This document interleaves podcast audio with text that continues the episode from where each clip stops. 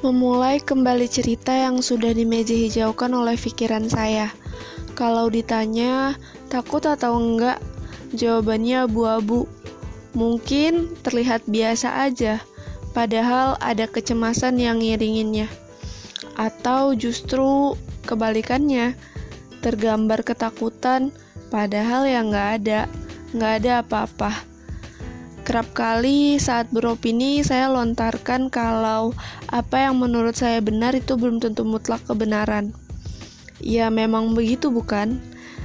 Tapi tak boleh bohong juga kalau egonya saya terlalu egois. Iya terlalu egois kayaknya. Bukan kayaknya sih, memang terlalu egois. Oh ya, uh, baru-baru ini, bukan baru-baru ini, Maksud saya, baru banget seorang teman bertanya, "Apa titik terendah dalam hidup kamu, lah?" Biasanya untuk ngejawab pertanyaan, saya ngambil jeda sejenak.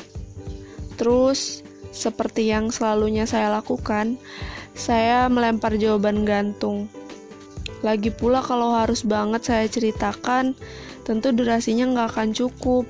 Nggak bisa kalau masanya seperti Russian roulette Pertanyaannya menarik saya dalam genangan kelam yang masih harus saya renangi di tengah-tengah kesulitan, menarik dan menghembuskan sedikit saja kebebasan. Menjadi pengadil untuk orang lain, padahal mengadili diri sendiri saja, um, ya belum bisa. Siapa pun tolong ajak saya tenggelam aja, karena saya dengar seorang bilang, kalau kamu nggak bisa jadi yang terbaik, maka jadi yang terburuk aja. Saya capek berusaha jadi yang terbaik maupun yang terburuk. Keduanya memuakkan. Tapi siapa? Siapa juga yang mau tenggelam bersama saya? Bahkan saya sudah tidak mau memimpin lagi. Sekarang, saat ini dipimpin adalah opsi yang ingin saya pilih.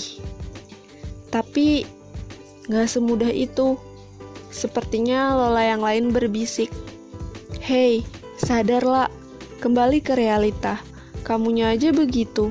Mana ada yang mau nyusahin dirinya mengiyakan pikiran konyolmu. Eh, bentar-bentar. Apa? Versi lain dari dirimu? Atau justru memang dirimu? Hmm, ya mungkin aja yang ngajakin kembali kepada realita. Memang sanggup kamu lah? Ya nggak tahu, saya nggak tahu. Ya udah, duduk dulu sambil ngopi. Semesta akan nganterin kok.